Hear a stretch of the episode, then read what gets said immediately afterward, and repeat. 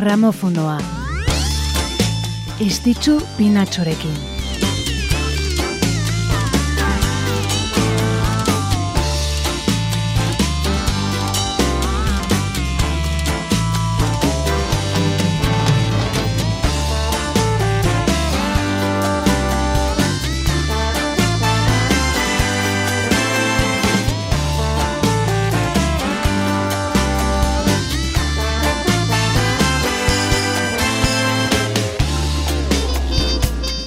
Arratxaldeon, arratxaldeon denoi ongietorri gramofonora.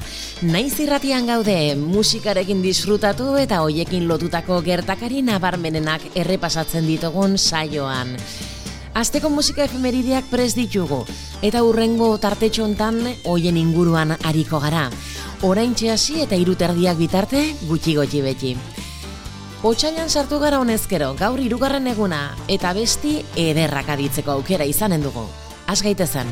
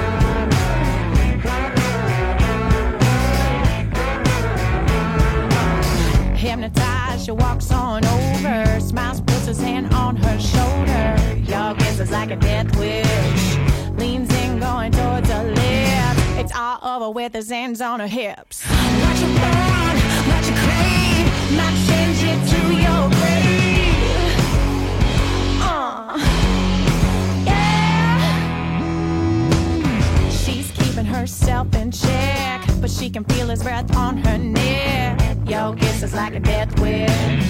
If she could, she would resist. But the story goes just like this. What you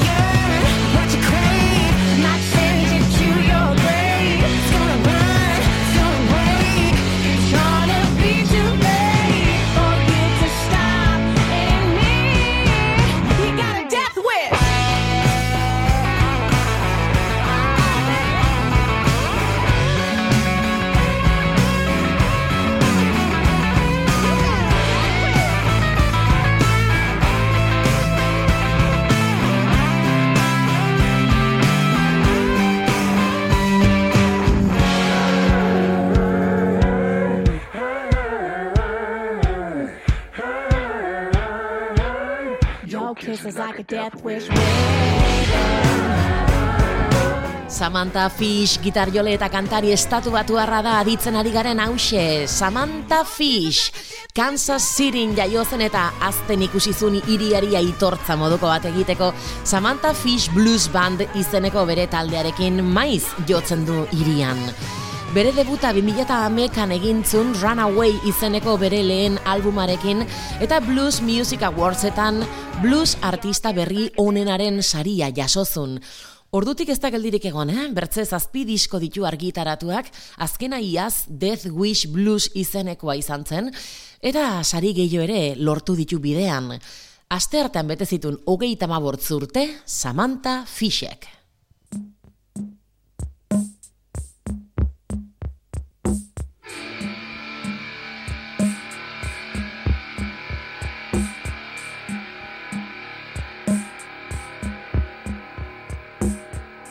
Artista kako txartean berri batekin hasi dugu gaur gramofonoa eta egun berekoa den bertze izen haundi batekin jarraituko dugu. Hau ez da berria, eh? ibilbide luze, emankor eta hitz bakarrean errateko bikaina dun musikari badago aditzen ari garen doinu honen atzean. Agitz kantu identifikagarria, agitz eh, esanguratsua musikari honen diskografian, benetako maixulan hoietako bat, honen izena da, In the Air Tonight.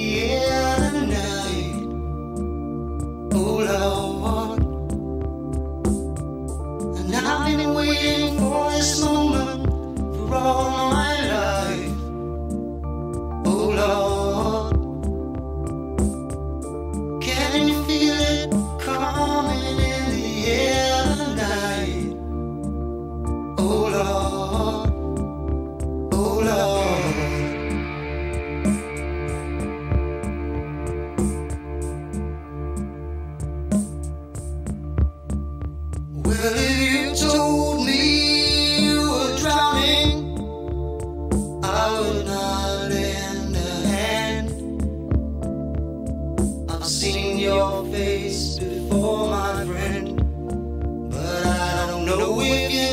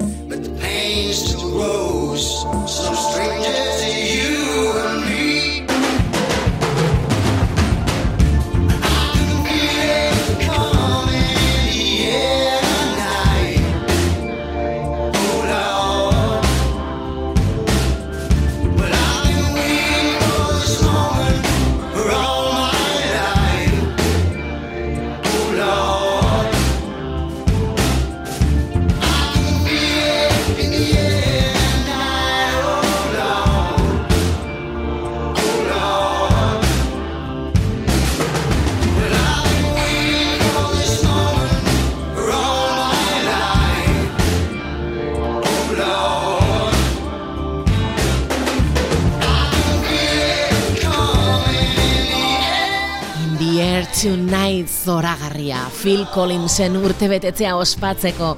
Asteartean bete zituen irurogeita amair urte musikari ingelesak. Phil Collins, teklista, baterista, abeslari, ekoizle eta aktore britainiarra. Genesis taldean baterista eta abeslari lanetan aritzeaz gain bakarkako ibilbide bikaina izan duen izen erraldoi hoietako bat. Michael Jackson eta Paul McCartneyrekin batera musika talde baten partaide izan ta lehenengo eta ondotik bakarlari bezala emun milioi disko bino gehiago saltzea lortu duen musikaria da. Michael Jacksonek Jackson 5ekin egintzun, Paul McCartneyk The Beatlesekin eta Phil Collinsek Genesis taldearekin eun milioi kopia bino gehiago saldu zituzten. Bino ez da beti gertatzen, taldea utzi eta beren bakarkako bidea astea erabakitzen dutenean arrakasta eta salmentako puru hoiek mantentzea. Hori gutxi batzuk eh, lortu dute, eun milioi kopia bino gehiago saltzea. Ba, Michael Jacksonek, Paul McCartneyk eta gure gaurko protagonistak bai, Phil Collinsek horrelako kantutzarrekin enaizarritzen, eh? Marka guziak puskatzea. Eta asteazkenera joanen gara kantu berri berri batekin. Honen izena da Selfish. If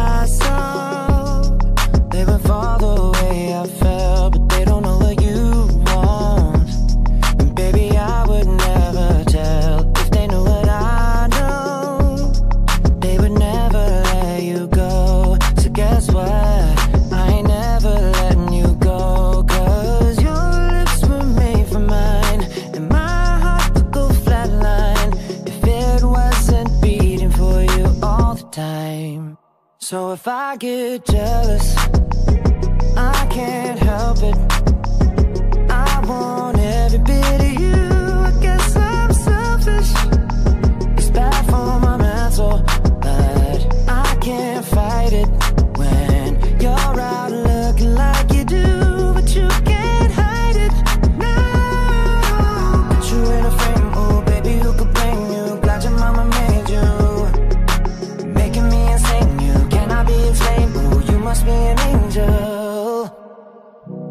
Every time the phone rings, I hope that it's you on the other side. I wanna tell you everything, everything that's on my mind,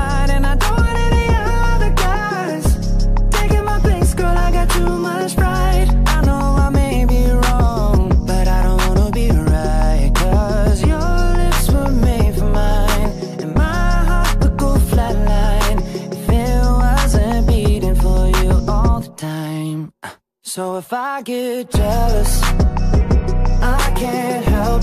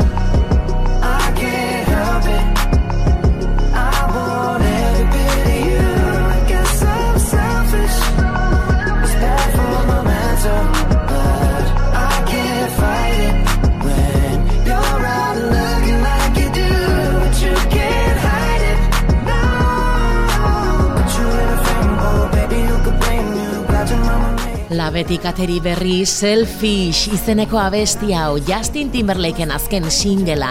Martxoaren amabortzean argitaratuko dun lan berria aurkezteko.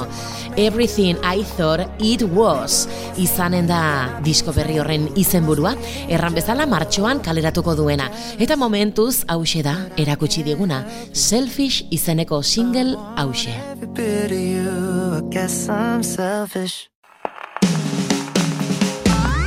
Gramofonoa. Estitzu pinatxorekin. Gramofonoan gaude bai, naiz irratian, ez ditxu pinatxo naiz, aste honetako musika efemerideak errepasatzen ari gara. Justin Timberlakeen disko berriaren aurkezpen kantua ditu dugu, Selfish, aste hau ospakizun astea izan duelako Justin Timberlake. Aste azkenean, bete zitun berrogeita hiru urte, Memphiseko abeslari, komposatzaile, aktore, ekoizle, dantzari eta enpresariak. Justin Timberlake. Bino etorri gaitezen, momentu batez etxera, Euskal Herrira, eta egin dezagun topa, Erramun Martikorenarekin batean. Herri osar bai gorriko Bakio naiz getariko Topa dagigun eta bakean Bizi gaitezen betiko. Topa dagigun eta bakean Bizi gaitezen betiko. Umeak arreta zorni, gazte hitza eskaini, gazte txoago eta aurrago izan gaitezen geroni. Gazte txoago eta aurrago izan gaitezen geroni. Herri osarbai gorriko Bakio naiz getariko eta bakean Bizi gaitezen betiko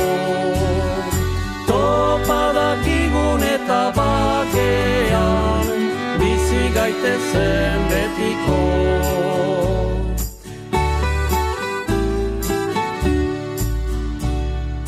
Ez ukamone itzi Entzuna gure eipozi Zara ez da izan dakoa Luzaroan dena baizi Zara ez da izan dakoa Luzaroan dena baizi Herri osar bai gorriko Bakio naiz getariko. Topadakigun eta bakean Bizi gaitezen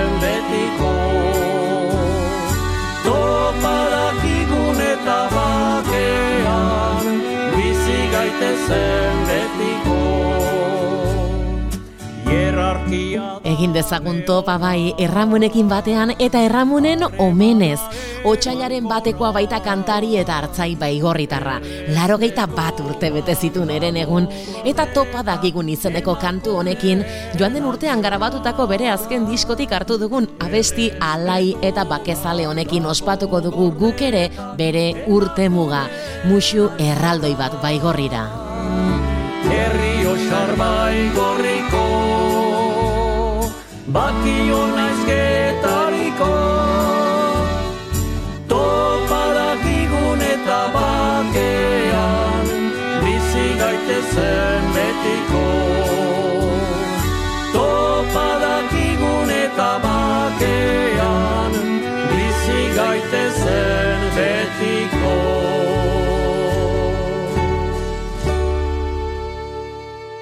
Ibilbide luzeko musikariak eta berriagoak diren bertze batzuk tartekatzen ari gara gaurko saioan. Eta oraintxe eginen dugun saltoa horren adibide garbia da. Erramuen martikoren azori ondu ondotik ikusi ze heldu zaigun orain. Like on a summer evening, and it sounds just like a song. I want more berries and that summer feeling. It's so wonderful and warm.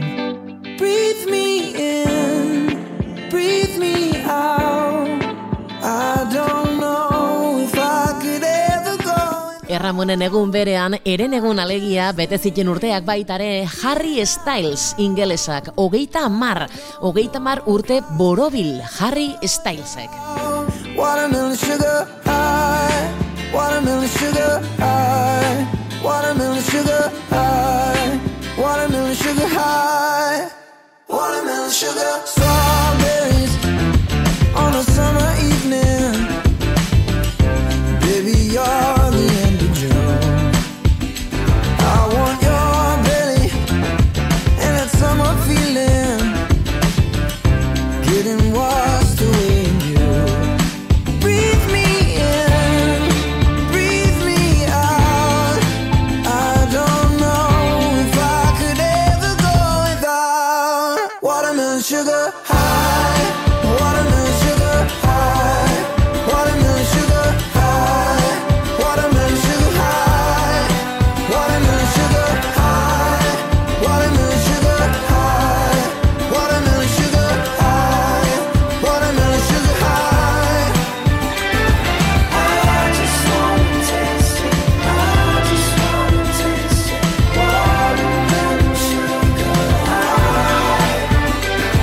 like strawberries on a summer evening. Harry Styles ere arrakasta itzela izan zuen musika talde batetik jaio zen One Directionen hasi zelako Harry Styles eta sekulako jartzuna izan zuten. Pentsa, debuteko albumakin eh, markak puskatzen ari ziren ja. 2006tik taldea pausa mugagabean dago edo hala adierazi izan dute behintzat eta bitartean Harry Styles bakarka ari da eta nola aritu gainera.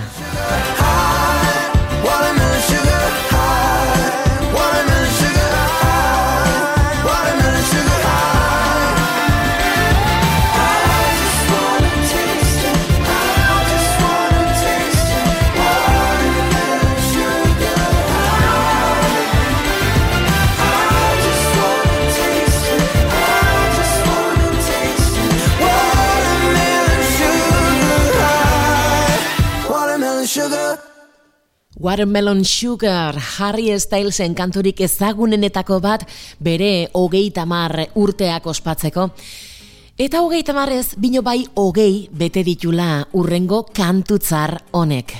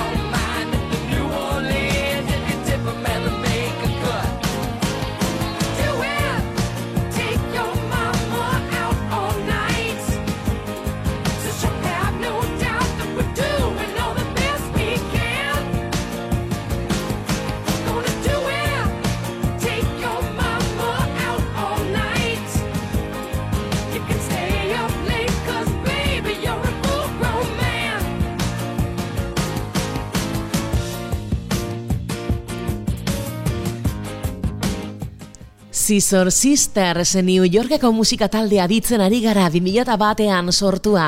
Taldeak eh, ospea lortuzun nazioarteko estenan, beren ikuspegi eklektikoari esker hainbat estilo uztartzen zituztelako popa, dans estiloa glam rocka eta elektronika barne. Elementu retro eta garaikideak nazteagatik nabarmendu ziren, eta horrek, ba, horixe, taldeari izugarrizko ospea eman zion. Gaur gramofonora ekarri ditugu, izen bera izan zun debuteko albumak hogei urte bete zituelako atzo. Akitz arrakastatxua izan zen, hainbat sari eta izendapen jaso zitun eta kritikaren goraipamena ere bai. Take Your Mama, Scissor Sisters taldearen izen bereko albumeko abestia da eta taldearen kanturik ezagunenetako bat. Atzo, hogei urte.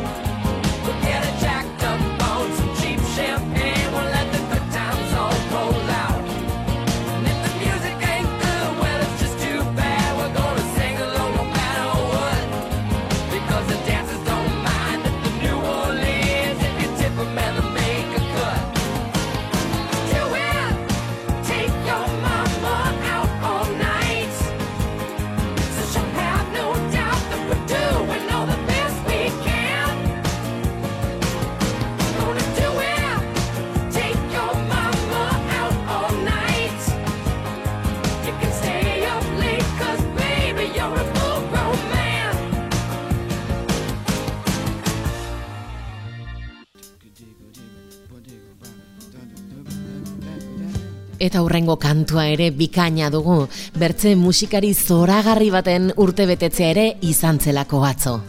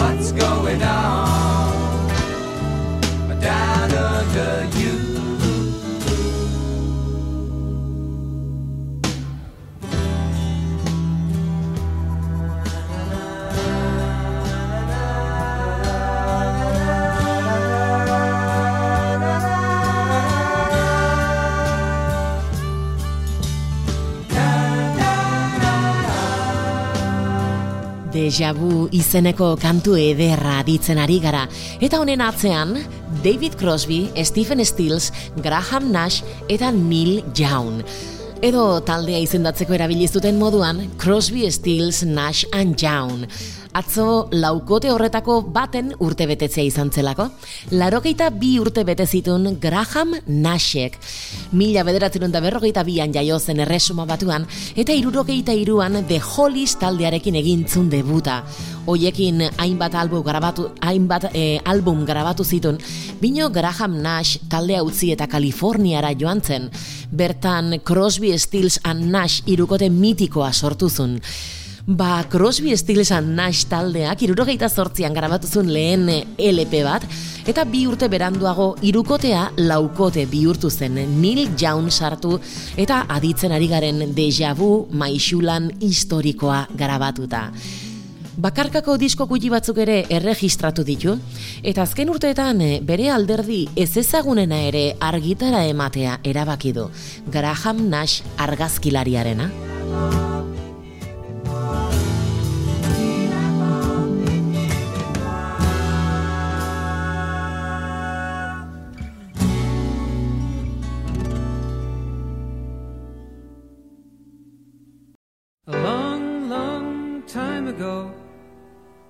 Can still remember how that music used to make me smile. And I knew if I had my chance that I could make those people dance and maybe they'd be happy for a while. But February made me shiver. Eta horrengo kantuarekin otsailaren irura ailetuko gara eta baita gaurko saioaren amaierara ere. Gertakari triste batekin eginen dugu gainera. Izan ere, Iowan estatu batuetan egazkin istripu batean elur denborale baten erdian, Buddy Holly, Richie Valens eta The Big Booper hil egin ziren. Elkarrekin egiten ari ziren eh, Winter Dance Party biraren erdian. Gertakari triste hau aditzen ari garen kantu honetan gogoratuzun Don McLeanek musika hiltzen eguna kantatuz. So bye bye, Miss American Pie. Drove my Chevy to the levee, but the levee was dry.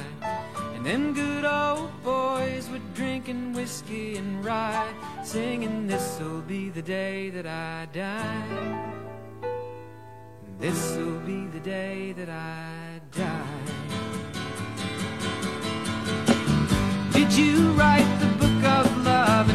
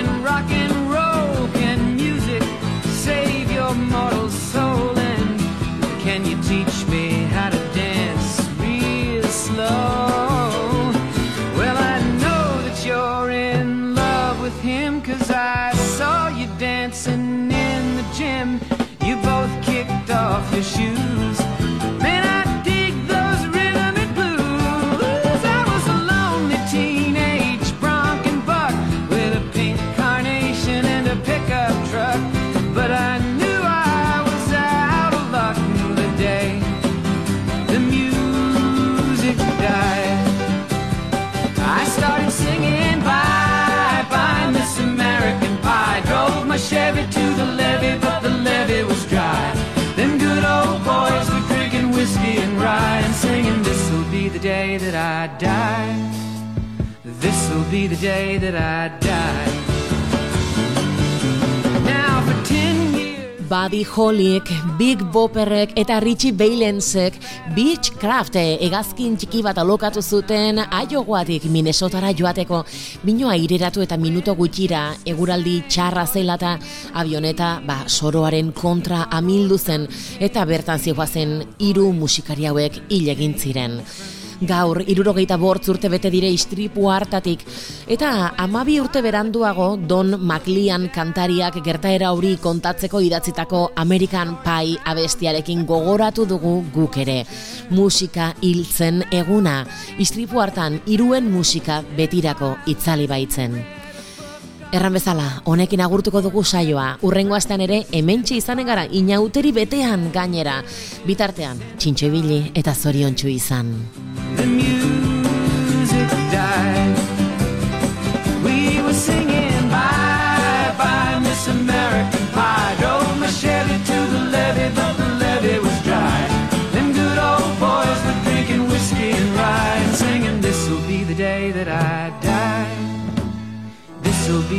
Day that I die. Helter skelter in the summer swelter, the birds flew off with a fallout shelter, eight miles high and falling fast. It landed foul on the grass. The players tried for a forward pass with the jester on the sidelines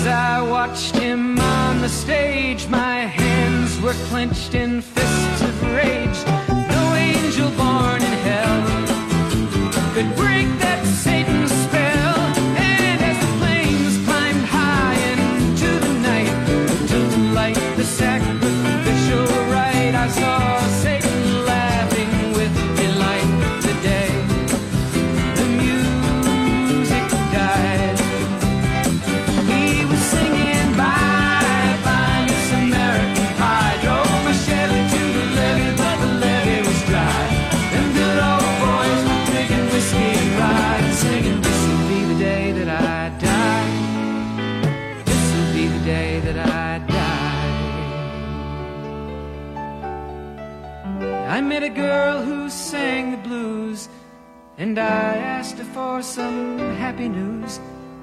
But she just smiled and turned away. I went down to the sacred store where I'd heard the music years before. But the man there said the music wouldn't play. And in the streets the children screamed, the lovers cried, and the poets dreamed. But not a word was spoken. The church bells all were broken.